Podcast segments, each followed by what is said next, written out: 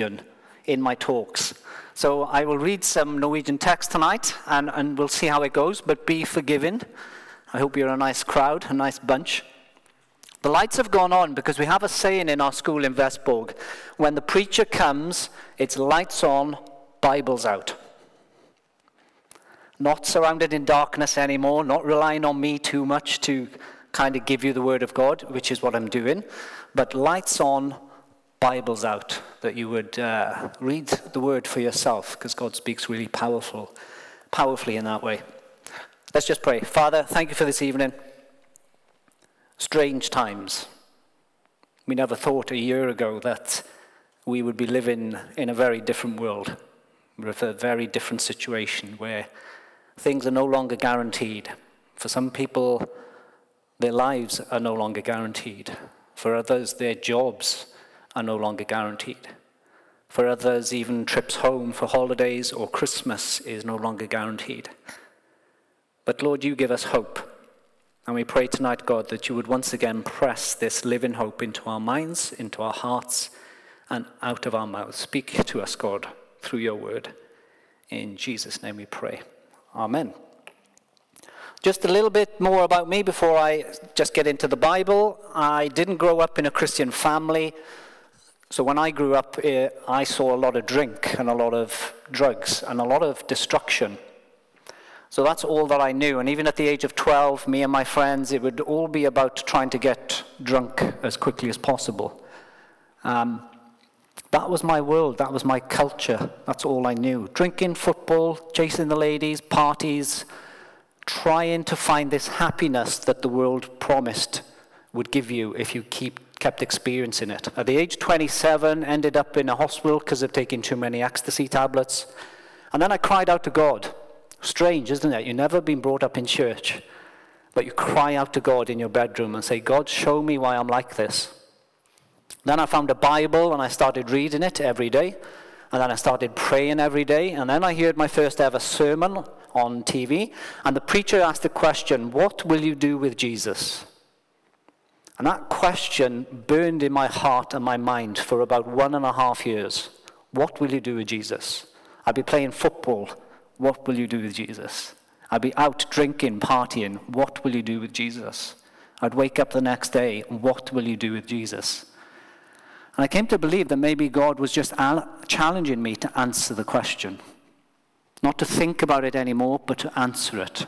What will you do with Jesus? Yes or no? And God, in His grace, never forces us to believe. If you want to say no to Christ, He'll say okay and He'll let you go. If you want to say yes to Him, He'll be thrilled and He'll invite you into His family and into His kingdom. So, to cut a very long story short, I, I, say, I say, said yes to Jesus. God helped me to say yes to Jesus. And I knew what it meant to be saved and forgiven and cleansed and new. And then went to Bible college, and after Bible college, arrived in Norway, Vestborg for two years, Kvitsund Gymnas for one year. And then being a millionaire, but I don't know if you've ever done those types of jobs, they make you tired. I got incredibly tired, and I went home to Wales for nine years, thinking, I am never doing that job again. And I'm staying home in Wales. So in 2017, I came back to Norway to do that job again. Um, with, but with a bit, bit more focus on the Christian life of the school. So that's a little bit about why I'm here, why I'm stood here, because one day I answered the question, What will you do with Jesus? So I have a question for you tonight. And the question is, Who do you say that Jesus Christ is? Who do you say tonight? Who do you say Jesus is? If you have your Bibles, turn to Matthew chapter 16. Matthew chapter 16, we're going to take it in stages, but I will first read from verses 13 to 18. Da Jesus var kommet til traktene ved Cæsarea Filippi, spurte han disiplene sine, Hvem sier folk at menneskesønnen er? De svarte, noen sier døperen Johannes, andre Elia, andre igjen Jeremia, eller en av profetene. Han sier til dem, men dere, hvem sier dere at jeg er? Da svarte Simon Petter og sa, du er Messias, den levende Guds sønn. Jesus svarte han og sa, salig er du, Simon, Jonas' sønn, for det er ikke kjøtt og blod som har åpenbart dette for deg, men min far i himmelen. Jeg sier deg at du er Petter, og på denne klippen vil jeg bygge min menighet, og dødsrikets porter skal ikke få makt over den. Fascinating bit of scripture. Caesarea Philippi in verse 13, it is a place where it was known people would worship many, many, many false gods. They had a god for everything. But one of the biggest gods there was a god named Pan, god of fertility, god of nature, and they would worship this god. And isn't it amazing that Jesus would pull his disciples away from the busyness of ministry? And in this place, this background, this backdrop curtain where many false gods were worshipped, he would step forward and ask his disciples a question before they rushed off again into ministry and said, Who do people say that I am? And Jesus is trying to get somewhere with his disciples. He's been training them for a while and he's trying to stop them now and say, Before any of the busyness, before we go back out into the world, who do you say I am? And he's not trying to condemn them, he's trying to help them with the question. Who do people say, first of all, that I am? And the response is some say that you are uh, John the Baptist, or Elijah, or Jeremiah, or one of the prophets. It was thought that these guys, when the final day would come, when the Messiah would return and bring in his kingdom, that these three would either appear before or with Jesus. They were great men of the Bible, great prophets of the Bible. But at the end of the day, they were just men. And this is where it gets incredibly personal. Sometimes Jesus will ask us indirect questions because he wants to get to the really direct question. It is the most important question of your lives. The answer to this question, there is, there is no other question more important than it. Literally, your destiny after death hangs on your answer to this question. Men hvem sier til dem, men dere, hva sier dere at jeg er? Who do you say that I am? Really personal, really focused. Da svarte Simon Petter og du er Messiah, den levende Guds sønn. Two parts. Messiah, which meant anointed one. In the Old Testament, think of somebody like David, a young boy looking after sheep. One day they call him out he doesn't know what's going on, and he gets anointed with oil, and they say, You are going to be the king of Israel. Anointed for a special purpose. And if you know the story, David became the king of Israel.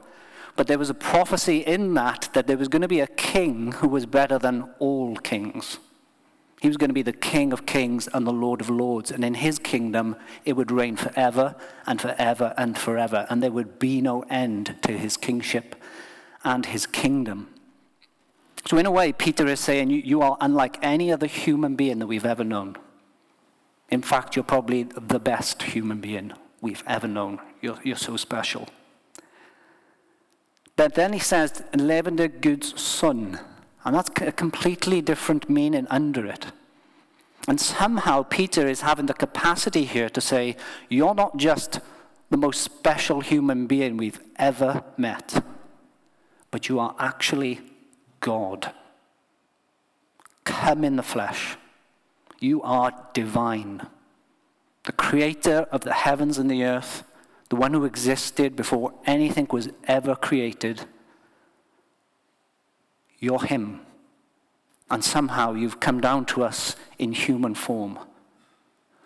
Human God. Fully human, fully divine in the person of Jesus Christ.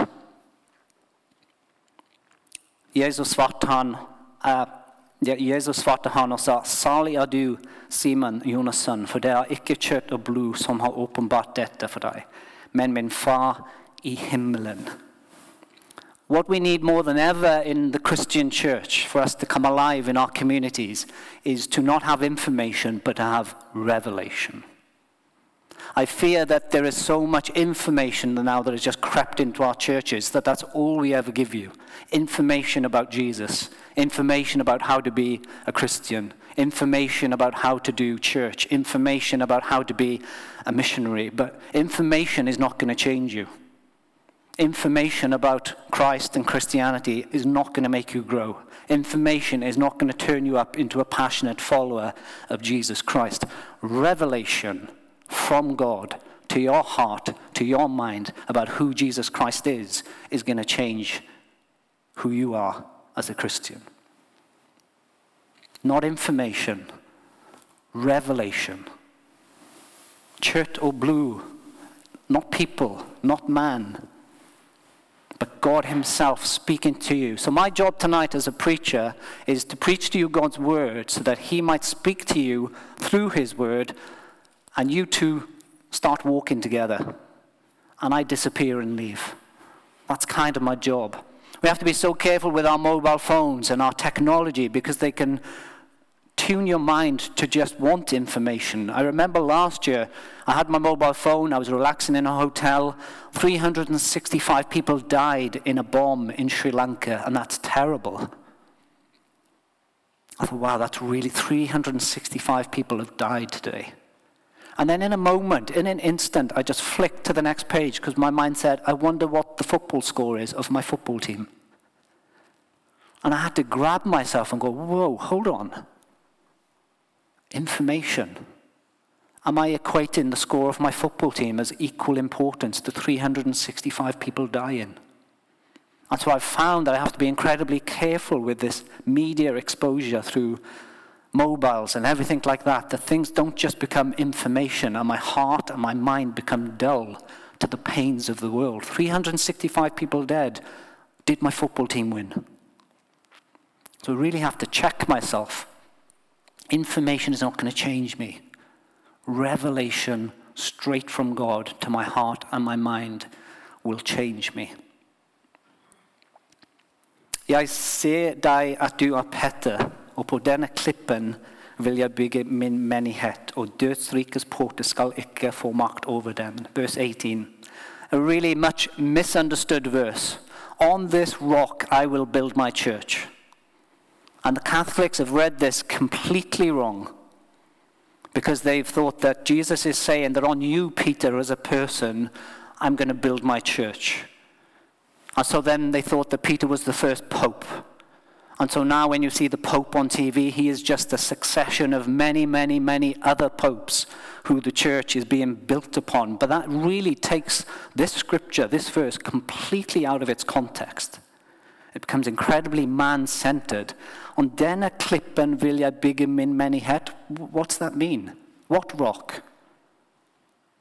But if we read the context and everything that I've just told you, it makes real sense when Jesus is saying to him, Peter, on this confession, I will build my church.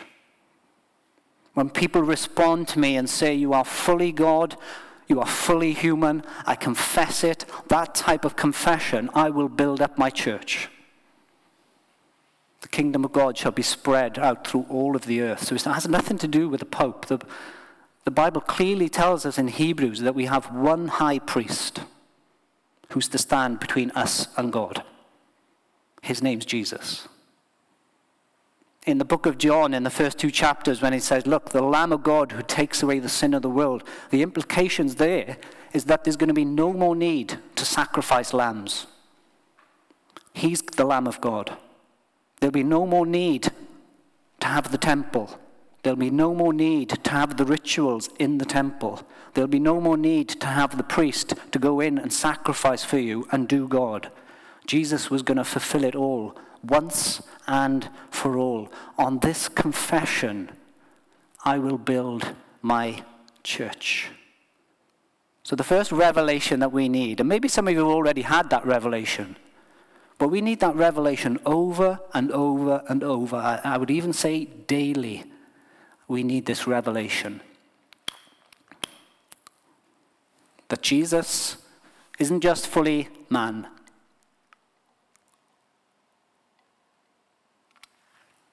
but he is fully God. He is divine. I don't know how we could ever get bored of exploring that. I don't know how we could ever get bored of thinking about that. I don't know how we could ever think that our mind could just say, okay, yeah, okay, he's divine, let's move on. It's just, it's, I'm running out of words trying to even grasp that. That the God who created this world would come himself into this world to try and help us. And we need to stop, and we need to reflect, and we need to think, and we need to chew, and we need to keep drilling down on these truths until God breaks into our hearts and makes it incredibly real for us. On this confession, this is the whole book of John. John is trying to highlight one big theme in the book of John Jesus is divine. Not just a man, not just a great prophet, he is God come in the flesh. So let's just go through this, okay? A little bit of a Bible study. John the Baptist in chapter 1. And I have seen and testified that this is the Son of God. Nathanael. Nathanael answered and said to him, Rabbi, you are the Son of God. In John chapter 4, with the woman at the well, the Samaritan woman, she rushes off into her village and says, Come and see a man who's told me everything about my life. The villagers in 442, then they said to the woman, Now we believe, not because of what you have said, but we ourselves have heard him, and we know that this is indeed the Christ, the Savior of the world. It just keeps going. When Jesus gave some really tough teaching and everybody left him. You see, there are people that will follow Jesus for the goodies. Do you know what I mean? That's a really British saying. There are people that will follow Jesus for the goodies, the good stuff. But when Jesus gave some strong teaching, all those people left him. And then he said to his disciples, Do you want to leave as well? And Peter said this Lord, to whom shall we go? You have the words of eternal life and we have come to believe and know that you are the Christ, the Son of the living God. The blind man who was healed, and Jesus said, Do you believe in the Son of God? And he said, Well, where is he? He said, I, am right in front of you, the one speaking to you.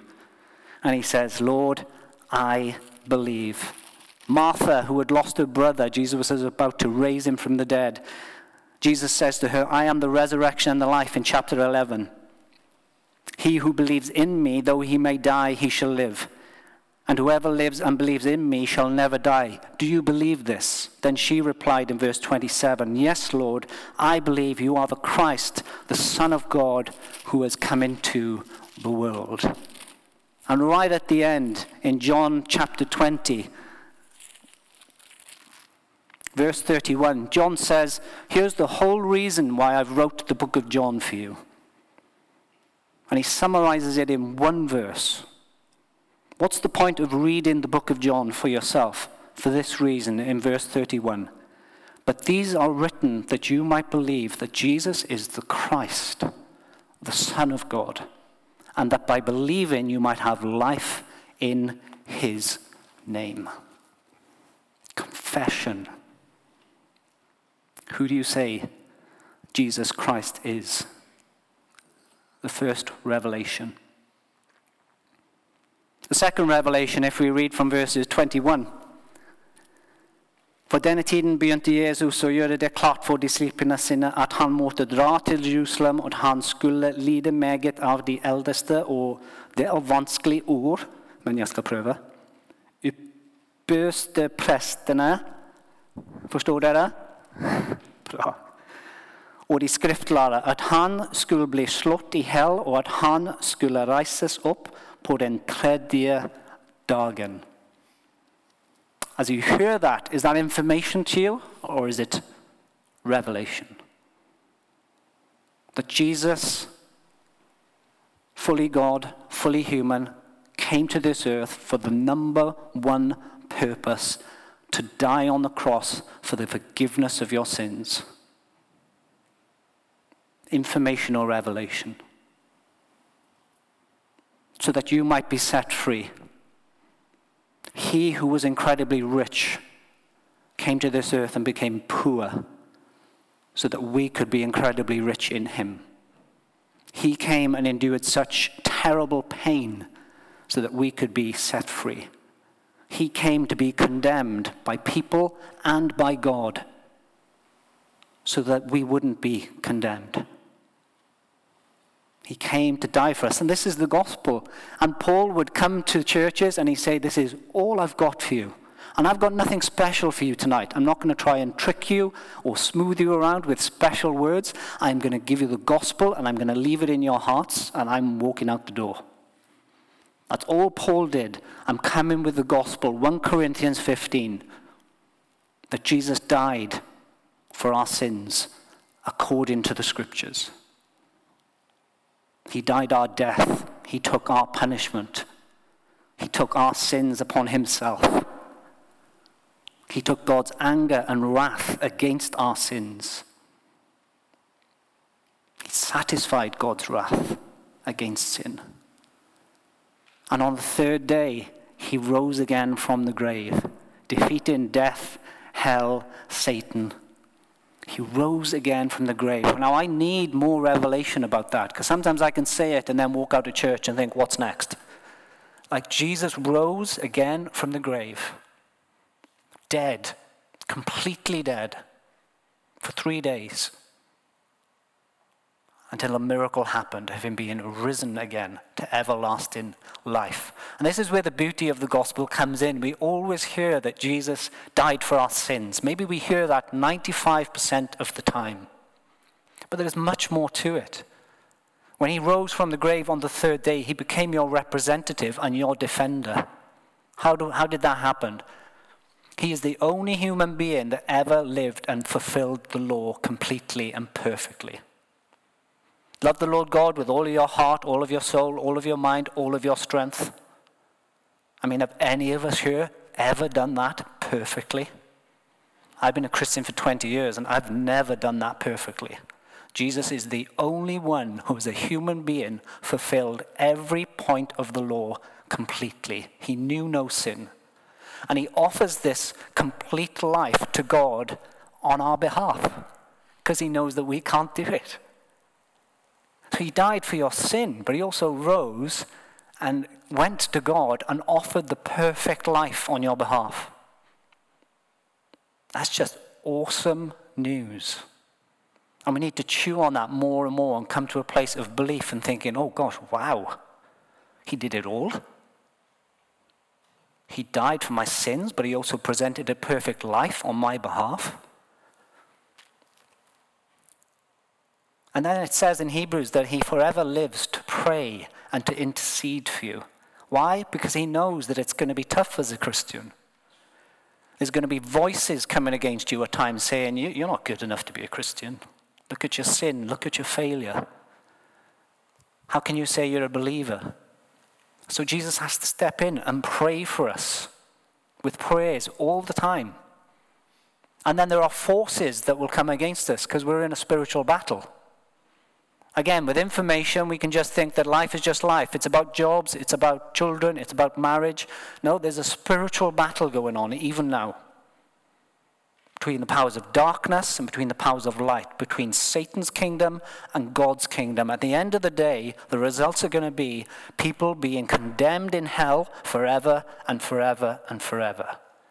And those in Christ will be saved with Christ in his kingdom forever and forever and forever. This is the gospel story. This isn't a film. This isn't like a fantasy film. This is real life. And there's nothing more important than your souls and the souls of your families who don't know Jesus and the souls of the people you work with and study with and mix with in your communities. There is nothing more important than the salvation of their souls. Jesus died for our sins. He rose from the grave. He offers a perfect life for us to God because we can't live it. He prays for us continually because of the forces and the voices that can come against us.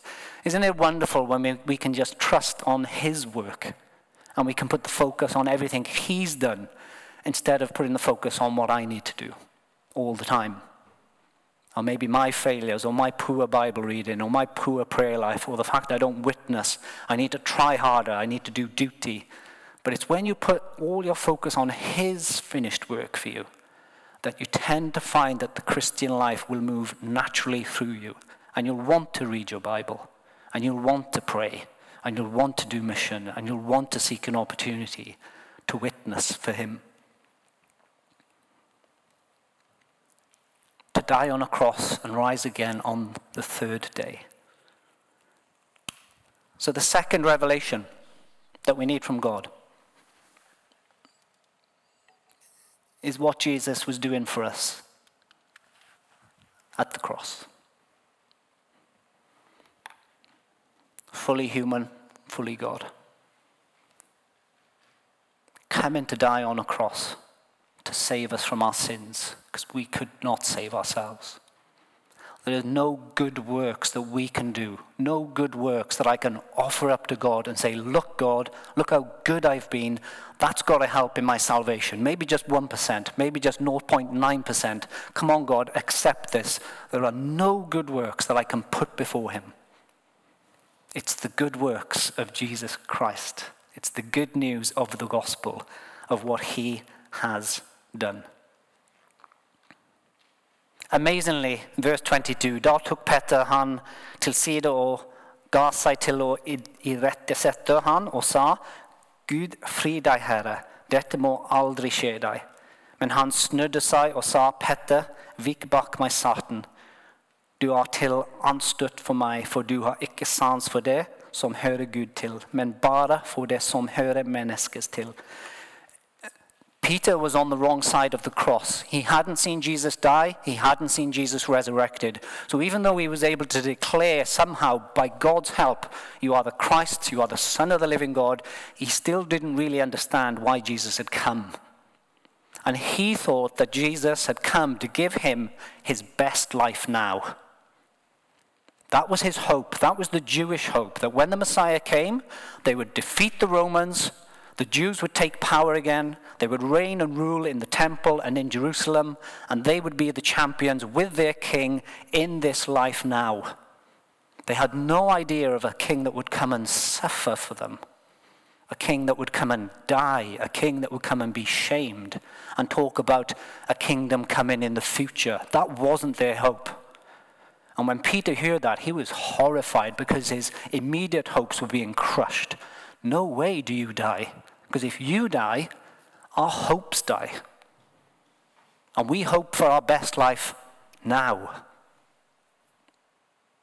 And that's why Jesus rebuked Peter, strongly told him off. But then he also rebuked Satan because he realized that this was a moment of temptation, not just for Peter, but for Jesus himself. Remember in the wilderness when Jesus was tempted? And then it says that Satan left him until another opportunity. This was another opportunity where even Satan was coming in and saying, You don't have to go to the cross. You don't have to bear such pain for these people. They're not even worth it.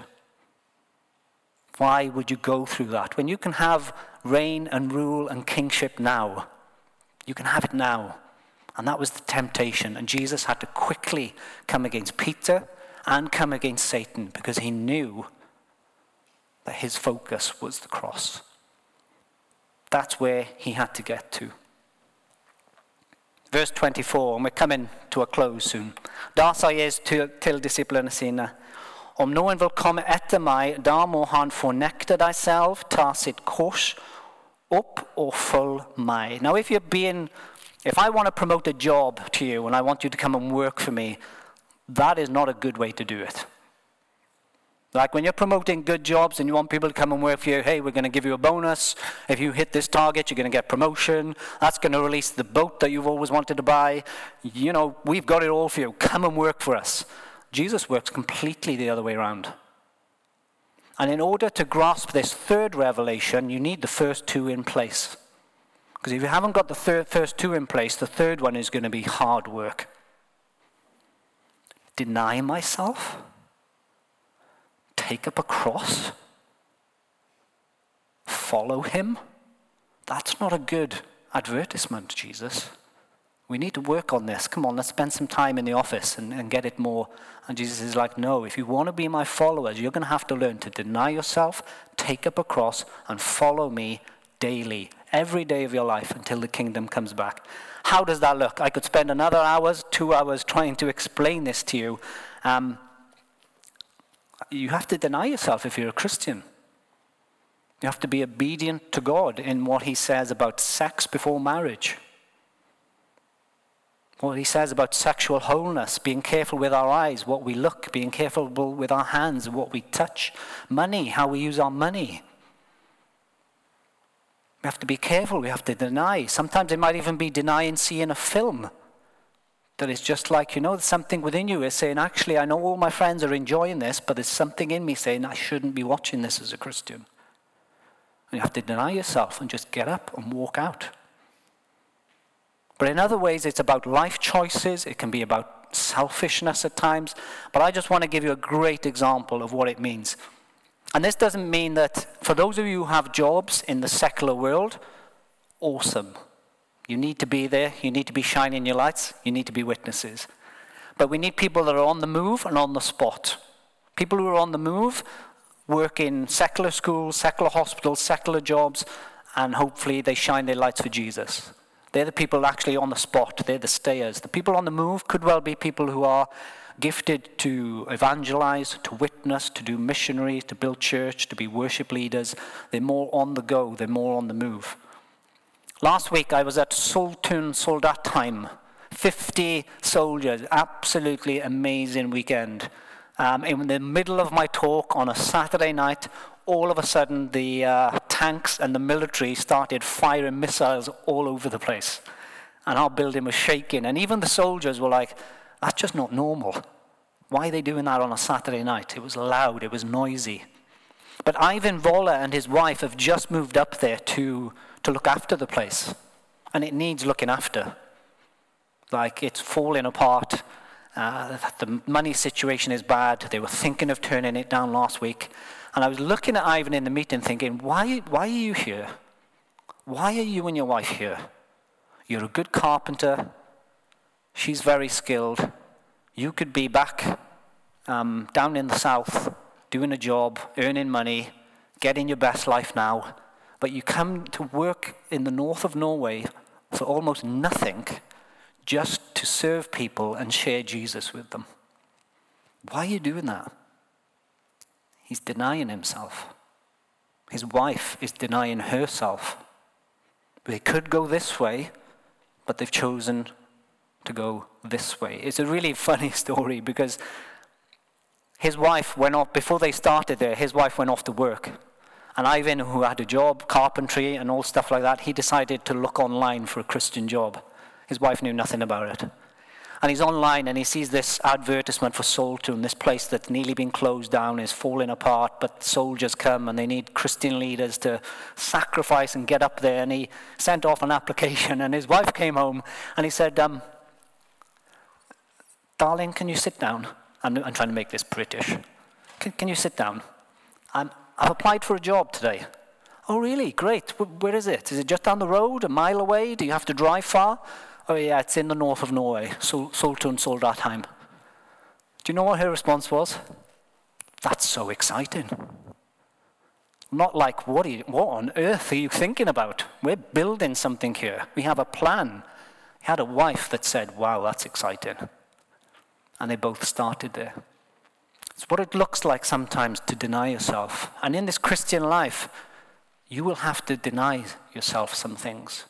But that will only help you grow in holiness and help you become more like Christ and become closer to Him. So there are benefits in it. You have to deny yourself. More importantly, um, and, we, and we are going to finish soon, I was at a confirmation pre service with 30 students. And as there was preaching and teaching, this is in the area that I lived, preaching, teaching, love song, these 30 students, 15 years of age, all they did all the way through the service was laugh, sleep, yawn when the songs were being sung, and they paid no interest to the service at all. And I thought, isn't it amazing that these 30 people are preparing themselves to be confirmed and they look like this is the most boring thing they've ever been through? And after the service, I went and spoke to one of the boys who was sat on a bench and I said, Look, just be honest with me. You and your friends, do you believe in anything that just went on there and Jesus Christ? And he just laughed in my face and said, No, Jesus is a joke. This is a joke.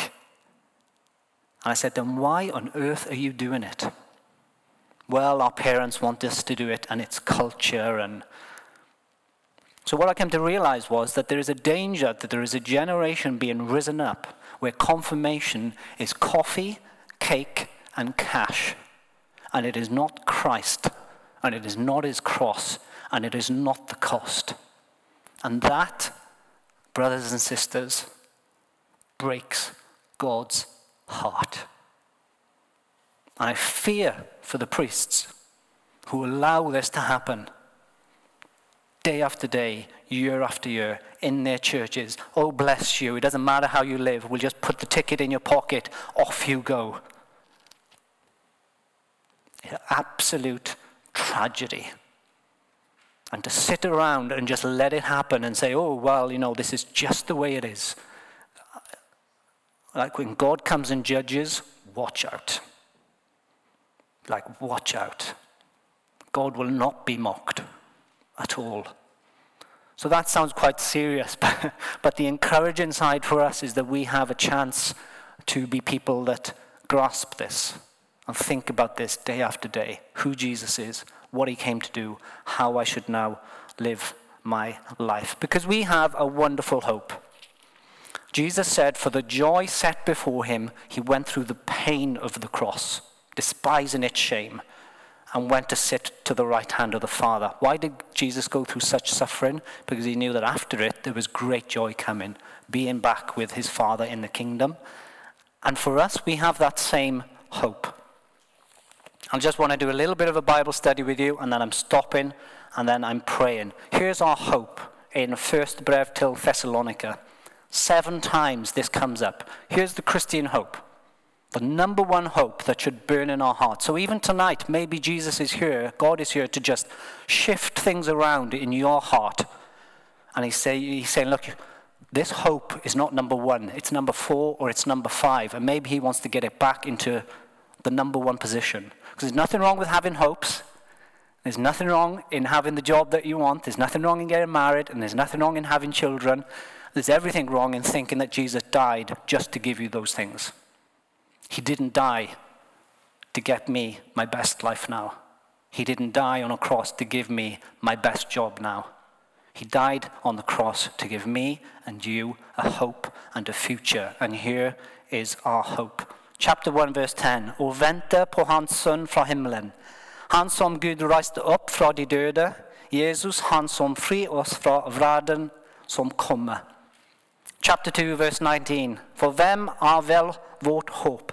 Vår glede, vår hederkrans, om ikke nettopp dere, når vi står for våre Herre Jesus Kristus i Hans komme. Chapter 3, 13. Slik at han kan stykke deres hjerte til å være utlastige i hellighet.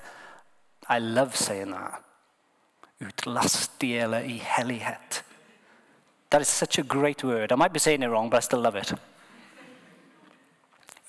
Holy, blameless in holiness is how God presents, how Jesus presents you before God. So I don't know how you're feeling tonight about yourself, but in Christ, He presents you before God, holy, blameless in holiness. That's your standing before God in Christ. An amazing, amazing truth. For Gud och Fars ansikt når vår Jesus kommer med alla sina helger. Chapter 4, verse 4. For så sant vi tror at Jesus døde og står opp, så skal Gud ved Jesus også føre dem som er sovnet inn sammen med han. Vers 16. For Herren selv skal komme ned fra himmelen med et byende rop, med overengels røst og med Guds basun, og de døde i Kristus skal først stå opp. Chapter 5, verse 9. For Gud bestemte oss ikke til vreden, men til å vinne frelse ved vår Herre Jesus Kristus. Chapter 5, 23. Må Han selv, fredens Gud, hellige dere helt igjennom, og må deres ånd, sjel og legeme bevares fullkomme, utlastelige ved vår Herre Jesus Kristus komme. The living hope that we have as Christians it has nothing to do with this world. And that's why Hebrews tells us to fix our eyes on Jesus, the author and the perfecter of our faith. Because when he comes again and we enter into his kingdom, we will see him as he truly is, and we will be the people that he always created us to be. And we will sing his praise forever and forever and forever and forever.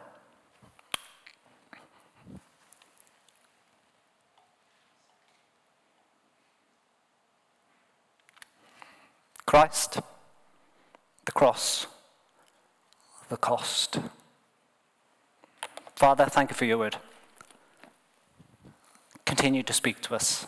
Continue to walk with us. Continue to talk with us. Help tonight not to be information. Help it to be revelation. Help us to go to bed tonight, Lord, as we rest our heads on our pillows, that we don't rest it on pillows of money. We don't rest it on pillows of materialism. We rest it on the truth that Jesus came to die for us.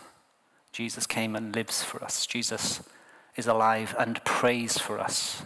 And he presents us holy, blameless, and righteous in your sight. We thank you for your word and we give you praise in Jesus' name. Amen.